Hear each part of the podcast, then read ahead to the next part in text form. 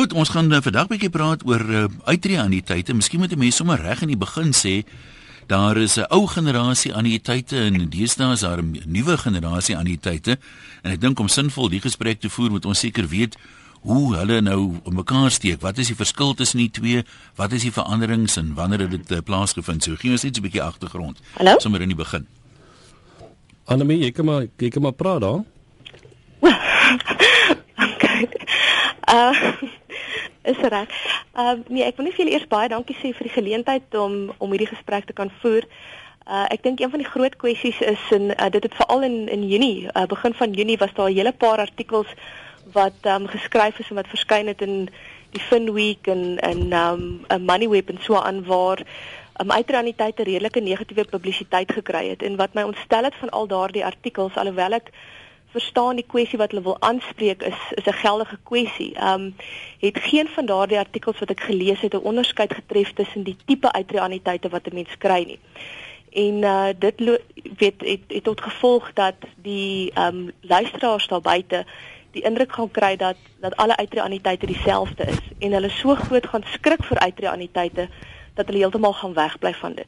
So ek dink dit is baie belangrik vir die luisteraars om te verstaan dat daar verskillende tipe uitreaniteite is en dat die kostestrukture aan daardie uitreaniteite ook dan nou verskillend is. So dit gaan die bespreking vandag onder andere wees is om te kyk na die die verskillende tipe uitreaniteite wat 'n mens dan nou wel kan kry.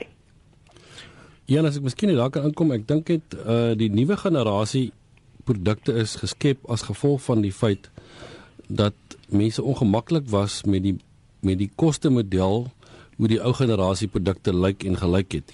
Nee, miskien net 'n bietjie om dit te te verduidelik. Die ou generasie produkte het basies so gewerk dat uh kostes is uh, in die begin van die produkverhaal. Met ander woorde, oor die termyn is daar kostes bepaal en dis aan in die begin van die produkverhaal. Met ander 'n luisteraar of 'n belegger kon dan in hierdie anniteit belê maar die eerste paar jaar het al sy premies gegaan vir kostes. En dit beteken dan as hierdie persoon nou na 3 jaar ophou betaal het of hy wil hierdie produk van hom volop betaal maak, dan kom hy agter maar daar's niks van sy geld in die produk nie, alles is vir kostes.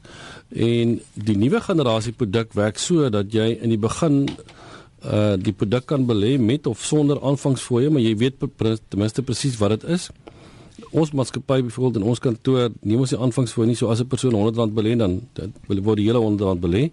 En dan is daar 'n bestuursfooi vir die vir die fonds of die fondsbestuurder wat dan hierdie produk uh, bestuur. Maar ten minste kan die kliënt of die belegger kan presies sien wat is sy totale kostes in hierdie produk. Want die ou produk was dit baie moeilik om regtig te weet presies wat betaal jy So as jy mens nou 'n bietjie terug daar aansluit by Marius. Ja, seker. Um en net om vir die luisteraars 'n idee te gee van hoekom daar op die ou tradisionele uitreaniteite wat jy by 'n lewensversekeraar uitgeneem het, hoekom daar hierdie kostes was. Wanneer jy daai uitreaniteit uitgeneem het, het jy as jy belegger jouself kontraktueel gebind om 'n spesifieke bydrae um en 'n teen 'n spesifieke toename vir 'n spesifieke termyn te maak. Um so jy kon byvoorbeeld ooreengekom het om R1000 'n maand by te dra wat jaarliks met inflasie toeneem vir 20 of 30 jaar. En op grond van daai onderneming, soos Marius genoem het, het die versekeraar dan gegaan en kommissies bepaal wat betaalbaar is aan aan die finansiële adviseur. Nou daai kommissies was onder andere um bereken op 'n persentasie van die premies oor die termyn wat jy sou betaal het. En dan is gewoonlik die helfte van daardie kommissie is dan vooraf vir die um finansiële adviseur betaal. Dit het die effek dat die die versekeringsmaatskappy vooraf uitgawes aangaan op bydraes wat jy onderneem het om in die toekoms nog te betaal. En en dit is as gevolg van daardie vooraf uitgawes wat die versekeraar aangegaan het dat daar dan nou boetes gehef word wanneer daar enige um premies verminder word of wanneer premies heeltemal gestop word of wanneer die termyn wat jy op ooreengekom het wanneer dit verminder word. Maar as ek mens net gou vir jou sê ek het 'n vermoede omdat ons nou vir Anemie via 'n ander roete hier op die lug het, sy kan my dalk nie hoor nie. Is ek reg Anemie as jy nou stil bly, ek weet ek is reg. Ja, so ek dink ek dink kan jy vir Johan hoor? Kan jy vir een hoor? Uh nee, ek hoor net vir jou. So Marius, ja. ek dink jy moet maar bietjie voorvat en uh, jy ja. weet waaroor jy wou praat. Lei jy maar die gesprek anders gaan ons nou regtig baie lomp klink op die lug. Ja, uh dankie Anemie. Ehm um, ons kan miskien net 'n uh, bietjie gesels oor ons het nou 'n bietjie gepraat oor die manier van kostesverhaling. Jy het nou gesê by die manier van kostesverhaling in die ou produk en die nuwe produk het ek nou 'n bietjie gepraat oor hoe die kosteverhaling uh, daar uitsien. Hoe hoe lyk dit as 'n mens nou jy het baie navorsing gedoen op die op die produkte. Hoe lyk die deursigtigheid van kostes? Met ander woorde, hoe maklik kan 'n mens sien wat kos die totale produk jou eintlik op die ou generasie produk teenoor byvoorbeeld die nuwe generasie produk? Uh Marius, sjoe, dit is 'n moeilike een. Ek is nou glad nie 'n produkspesialis nie. Ehm um, weet ek is 'n regsadviseur, maar ek moet vir jou eerlikwaar sê, ehm um, dit kan wees as gevolg van my wiskundige vermoë of gebrek daaraan, maar ek het dit ongelooflik moeilik gevind om die na die kwotasies te gaan kyk en te gaan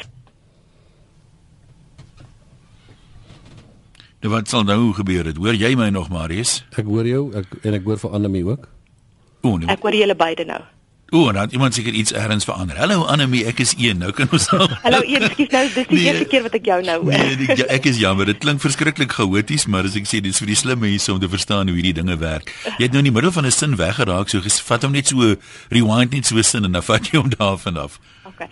Um, ek het nou by versekerings, by vier van ons uh, grootste versekerings, het ek kwotasies gaan aanvra sommer vir myself. En ek het daardie kwotasies presies dieselfde gemaak by al die versekerings. Ek het gesê hulle moet vir my R1000 'n maand bydra wat glad nie toeneem nie en dan vir 'n 27 jaar termyn tot tot ek dan nou de ehm um, 60 is. Daar gee ek nou my ouderdom ook sommer weg. Toe maar jy kan maar. En uh, ek het gegaan en te probeer om 'n vergelyking te tref tussen tussen daardie verskillende versekerings. Nie soseer met die doel om te gaan en te kyk wie is goedkoop en wie is duur nie, maar om te kyk kan ek enigsins vasstel uit die kwotasies uit hoe hulle by hulle kostes uitkom. Nou, soos ek reeds genoem het, ek is nie 'n produkspesialis nie en uh, my wiskundige vermoëns is is ook nou nie seker wat dit moet wees nie, maar ek het dit feitelik onmoontlik gevind. Um, om die waarheid te sê, ek kon nie regtig um uitkom aan die einde van die van van die ondersoek by die presentasies wat hulle vir my gesê het my belegging mee gaan verminder. Kan ek gou daar vra Annelie, ek dink dis miskien vir vir baie mense wat jy weet lede van die publiek belangrik. Geld presies dieselfde kostestruktuur vir al die versekeringsmaatskappye of is dit moontlik dat jy by een maatskappy bietjie meer aan koste gaan betaal as by die volgende een wesentlik vir dieselfde produk? Daar's definitief verskillende um kostes wat gehef kan word. Uh die die manier hoe hulle daai kostes moet deurgee is veronderstel om om redelik in lyn te wees. So een persoon kan sê maar ek dink my administrasie gaan uh R40 kos per maand en 'n ander een kan sê maar myne gaan gaan R20 per maand kos.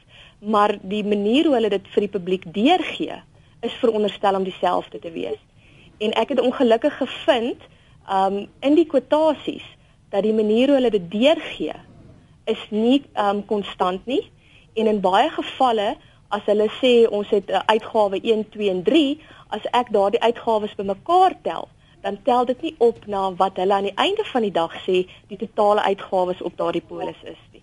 So dit wil voorkom asof nie al die kostes uh, openbaar word nie. Die ander vraag wat nou by my opkom as ek die ding so beluister is Ehm um, kom miskien moet ons eers dit vra, ek seker maak my aanname is korrek. Kan 'n mens oor die algemeen sê dat die nuwe generasie produkte, ons bly by jou voorbeeld van R1000 'n maand, dat 'n groter deel van daai R1000 gaan in die belegging in uh, en nie vir koste nie as by die ou generasie produkte of is dit te veralgemeen om dit te sê? Dit is 'n aanname om te maak, ehm um, want as jy byvoorbeeld op jou ou tradisionele uitreaniteite, ehm um, as jou adviseur gaan en ook want hulle daar ook 'n opsie om om nie kommissies vooraf te ontvang nie.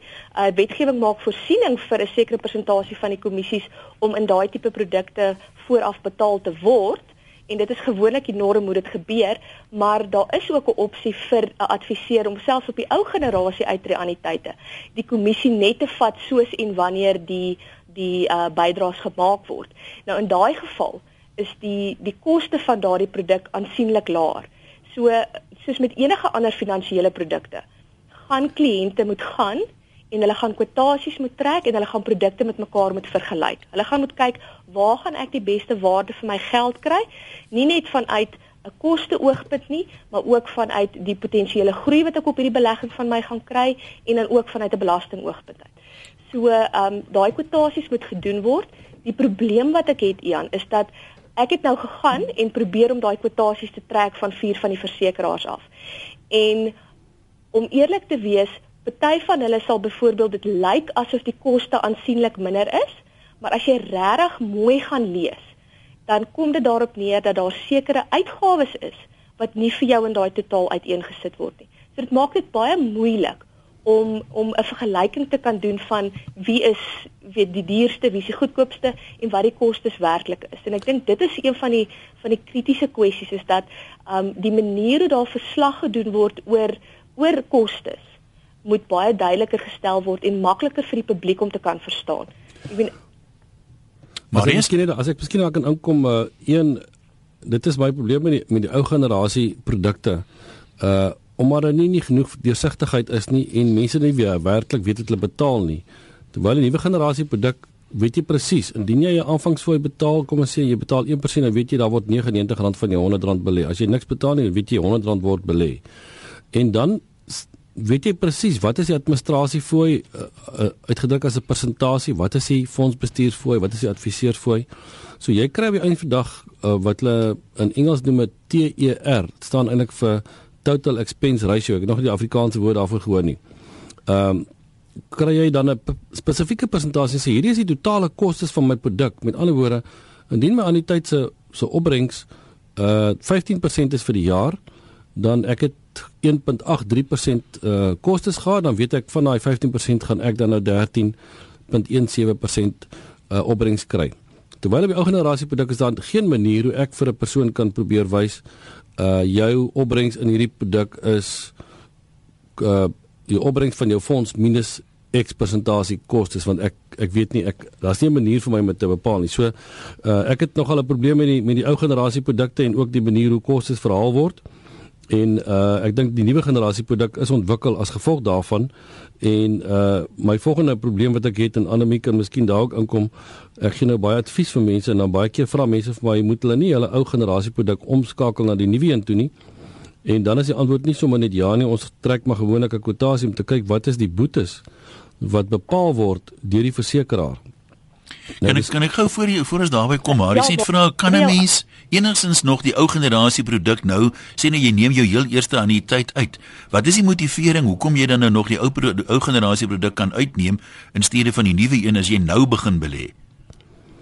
Wel die produk bestaan nog uh jy kan dit uitneem. Dit is 'n manier hoe die hoe seker die versekeraars het nog het nog die produk so uh daar seker adviseurs wat nog die produk vir hulle vir hulle kliënte aanbied. So ehm uh, en ek weet net nie of of kliënte altyd besef ja presies hoe lyk die koste struktuur hiervan en wat is die effek op sy belegging op die langtermyn indien jy in die begin van jou belegging verloor in terwyl van kostes. So dis my probleem. Ek dink dit in vandag se tyd uh, wil die FIS om moet hê dat alle advies moet deursigtig wees, kostes moet deursigtig wees. Uh en en ek dis my probleem. Ek kan dit nie kry in die ou produkte nie en daarom sê ek maar wat my betref uh mm. is dit is dit die tweede beste uh, wat ek dink kan kry. Maar jy weet as iemand met anemie se agtergrond sukkel om uit te rafel waarvoor gaan die koste, dan is 'n gemiddelde kliënt uh, mos maar half en half verlore. Kan die finansiële adviseur wat die produk aanbeveel, behoort hy vir jou te kan sê dit is presies die persentasie van jou belegging of dis in rand en sent jou totale koste kan 'n mens om dit vra of weet hulle ook maar nie. Die probleem is dit ek het nie so 'n kwotasie getrek nie. Ja, Almal het getrek. My probleem is dat ek sit met die met die bestaande produk dan probeer ek daai sin maak. Ja. Uh, en ek kry dit nie reg om totale om vir 'n persoon te sê, weet jy, jy het nou hierdie produk vir 15 jaar, dis wat dit jou kos per jaar nie. Of in het sy persentasie of bedrag. Uh wat ek wel gedoen het is ek het probeer gaan kyk en sê maar wat was die opbrengs van die spesifieke fonds waarin hierdie produk belê die afgelope jaar en wat was die kliënt se opbrengs en as ek daai sommetjie maak dan skrik ek redelik groot want dan kan ek nie verstaan hoe dit gebeur het dat dit moes dan net kostes gewees het hoekom die persoon kom ons sê nou die produk het 20% gegroei en die persoon kry net 6. Hmm. Dan moet die 14% mos kostes wees. Ek sê nie dis wat dit is nie, maar ek sê dit is dis hoe dit lyk. So uh dis my probleem probleem daarmee met die met die deursigtigheid van die ou generasie produkte. En natuurlik nou sit jy in die situasie van baie beleggers is is nie vasgevang nie, maar hulle is in daai produkte en hulle word toegelaat om dit te skuif as hulle sê maar ons wil dit liewers na 'n plek vat wat dit beter bestuur kan word en waar ek kan ten minste sien wat ek betaal en ek weet wat wat is my fooie. Maar jy sê daar's boetes ter sprake. Vertel vir ons meer daarvan. Nou kan 'n persoon kom ons sê hy's nou in hierdie produk vir 15 jaar, maar hy moet nou nog 9 of 10 jaar in wees volgens sy kontrak uh wat hy gesluit het met die versekeraar en nou vra hy vir die versekeraar maar ek wil my produk nou skuif, my totale fonds wil ek skuif na 'n ander administrateur uh en dis 'n gewone nuwe generasie produk en nou kry ek kwotasie. Nou kom sien ek die kwotasie en sê ek maar die die die kos of die boetes is tussen 9 en 12%. Dis nou maar uh, iets wat ek die afgelope week weer ervaar het. Mm sê ek maar ja, die persoon is nou al 15 jaar in die produk. Hierdie kostes moes nou al verhaal gewees. Hoe kan dit dan? Hoe kan dan nou nog 15 of of 12% uitstaande wees? Maar dan gaan dit oor hierdie termyn wat nou nog aanloop en waar hulle nie meer genoeg hulle het nie genoeg tyd om aan hierdie kostes te verhaal in hierdie termyn nie. Ehm um, nou die feit dat daar nou 15 of 12% nog verhaal moet word beteken net vir my maar het, as hierdie produk dan 20 jaar geloop het of sou geloop het wat was my totale kostes want hier is nou klaar 'n klomp kostes reeds uitbetaal wat uit hierdie produk uitgekom het so dis my probleem met ander die, versekeraar straf nou die die belegger het sy hy net sy aan die tyd volop betaal maak, so hy kan dalk nie meer betaal nie, dan dan stop hy hom, dan dan straf hulle hom ook met 'n boete. As hy sy premie verminder, straf hulle hom met 'n boete. As hy sy geld wil wegvat, straf hulle hom met 'n boete. Nou skrik hierdie kliënt se goed sê, maar ek kan nie nou hierdie verlies vat in, in my fonds nie. Nou bly hy maar nog bly nog 15 hmm. jaar in hierdie produk en die versekeraar kry nou nog vir 15 jaar hierdie kostes wat hulle het. Is dit is dit administratiewe reëls van individuele versekerings of is daar ook 'n eenvormige formule hoe die boetes en goed bereken word of is daar nêrens in die wetgewing of in die regulasies uh, verwysings of riglyne daarvoor nie? Uh, Jan, ek kan miskien daarso aansluit. Uh, daar's definitiewe riglyne vir watter uh, kostes gehef mag word en uh, vir enige uitreaniteite wat voor 1 Januarie 2009 uitgeneem is, is die maksimum koste wat 'n uh, versekeraar mag verhaal 30%. Nou dit is 'n enorme bedrag. Ek het toevallig ook op uh, my een van my eie uitreaniteitjies um in die week 'n uh, kwotasie getrek en hulle het by presies alhoewel daai uitreaniteit al 9 jaar oud is, het hulle um my gekwoteer vir presies 'n 30% um boete kan mens dit nou maar so stel. So dit is dit is die die maksimum wat wat versekerings in terme van die regulasies op daardie polisse um voor 1 Januarie 2009 mag hê daardie kostes kom wel oor tyd af, maar so ek sê, weet myne is al 9 jaar oud en hulle het nog steeds die 30 die volle 30% gehef. So ek gaan nie daai enetjie sommer enige tyd vroeg skuif nie. Soos Marius nou nog genoem het, mense skrik hulle dood want ek verloor nou 30% van my fondswaarde. Dan vir uitreë aan die tye wat na 1 Januarie uitgeneem is daar die wetgewer bietjie ingespring en gesê nee mense dit kan nie so werk nie. Um daar het hulle dit verminder. Die maksimum wat daar gevra mag word is is 15%. En daardie 15% moet ook geleidelik afneem oor 'n sekere tydperk. Nou die tydperk hang af van is die polis langer as 5 jaar en tussen 10 jaar of tussen 10 en 20 jaar of langer as 20 jaar. Is daar 'n spesifieke termyn wat voorgeskryf word, maar die 15% moet dan proporsioneel afneem oor daardie daardie tydperk. So daar al reeds is al ek dink 'n baie groot vergunning gemaak vir mense dat ehm um, die kostes wat vir jou uh, uitreaniteite na 1 Januarie gehef kan word is is aansienlik uh, minder. Kom ons sien net vir mense wat net ingeskakel is, ons gesels geldsaake aangebied deur PSG Silver Lakes in George Sentraal en um, ons praat met Marius Kreur van PSG sowel as uh, Annelie Niman van PSG Batebestuur. Die nommer waar jy vir Marius kan skakel is 0861348190.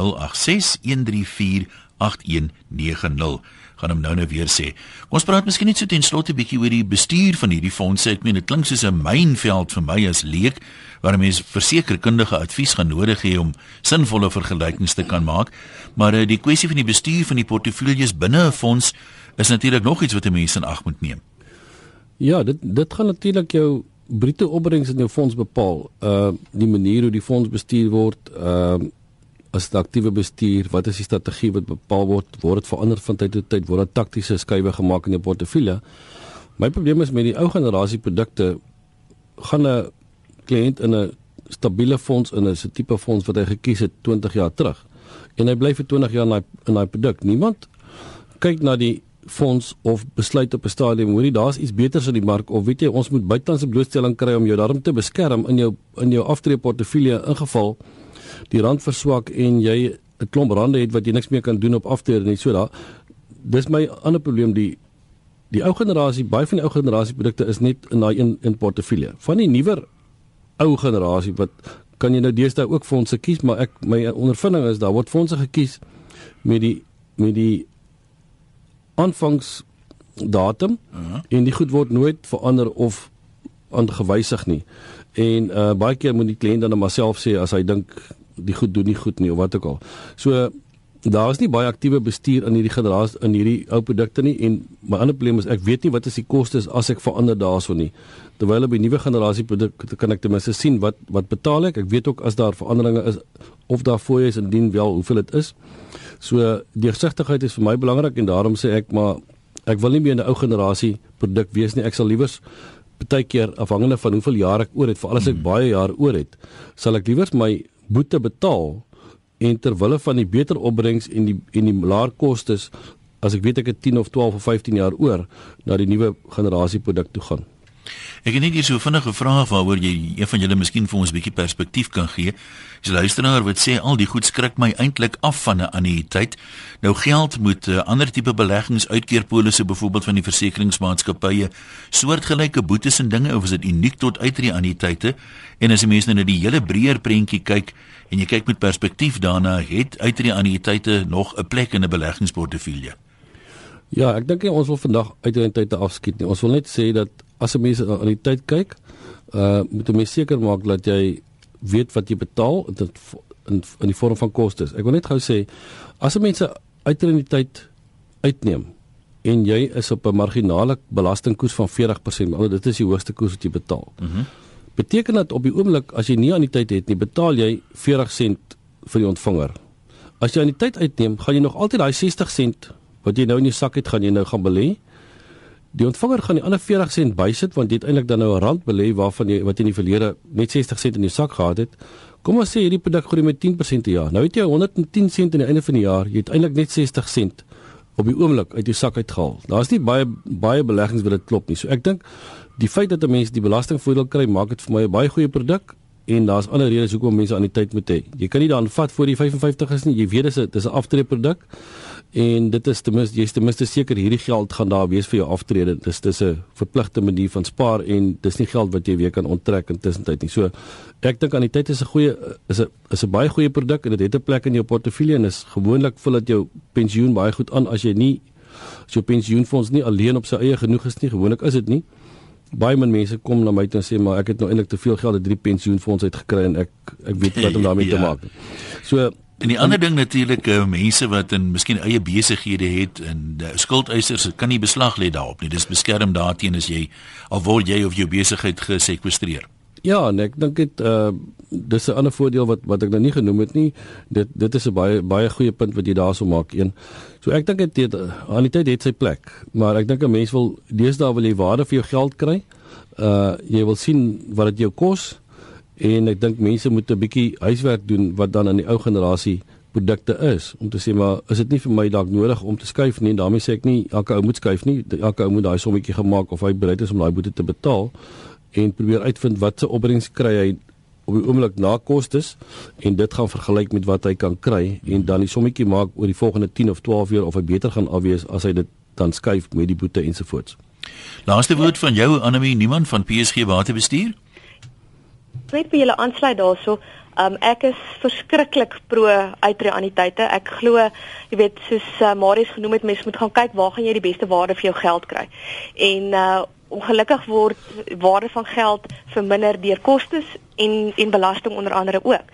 Um en mense moet net onthou dat die die boetes waarvan daar gepraat word en en waar daar in die media na verwys is, is gehef omdat die belegger nie gehou het by die aanvanklike terme waarop hy ooreengekom het nie.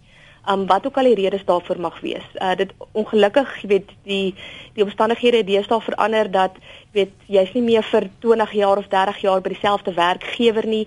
Jy verloor jou werk, um omstandighede verander. So dit gebeur dat 'n mens jou bydraes moet verminder of moet stop. Um en ongelukkig wanneer dit gebeur, dan is daar boetes uh betaalbaar. Maar as jy hou by die oorspronklike terme wat jy op ooreengekom het, gaan daar nie boetes gehef word nie. Wat betref jou nuwe generasie uitreaniteite, gaan daar nie boetes gehef word nie, ongeag of jy wysigings maak aan daardie produk, omdat daar nie kostes is wat vooraf aangegaan is deur die platform nie. So daar's nie uh, kostes wat verhaal hoef te word nie. Um so mense moet dit net 'n gedagte hou dat daar nie altyd net boetes gaan wees nie. Dit is net onder sekere omstandighede en ook net onder uh in in terme van sekere tipes uitreaniteite. Dan die ander ding ook weer eens om net terug te kom by waarde vir geld soos Marius genoem het, um weet die die belasting aftrekkings waarvoor jy kan kwalifiseer. Die ander ding wat hulle ook in gedagte moet hou is dat enige groei wat jy op 'n uitreaniteit kry, is heeltemal belastingvry. Daar's geen inkomstebelasting, geen dividendebelasting, geen kapitaalwinsbelasting op daai groei betaalbaar nie. So jou jou fonds kan potensieel meer groei as wat enige ander tipe belegging kan kan groei. En dan ook natuurlik 'n uh, vir die mense wat dalk 'n boedelbelastingprobleem sou hê, uitreaniteit is ook uitgesluit van jou boedel. So dit is ook nie onderworpe aan eksekuteursfooie of boedelbelasting nie. En al daai tipe belastings en kostes maak natuurlik van 'n uitreaniteit weet um uh uh, vir vir my 'n uh, 'n baie 'n goeie manier om vir aftrede te spaar. Ja, dis alwaar vir ons gaan uh, tyd hê vandag. Ons sê baie dankie aan Annelie Niman van uh, PSG Batebestuur en uh, Marius Kreer van PSG. Die program aangebied deur PSG Silver Lakes en George Sentraal. Marius in hierdie nommer 086134 8190. Dit waar ons vir jou in die hande kan kry. Dis reg, een, hulle kan ook vir my e-pos stuur marius.kreer@psg.co.za. Ons sê vir julle baie dankie, sterkte vorentoe en ons gesels binnekort weer. Dankie een. Mooi bly. Baie dankie. dankie.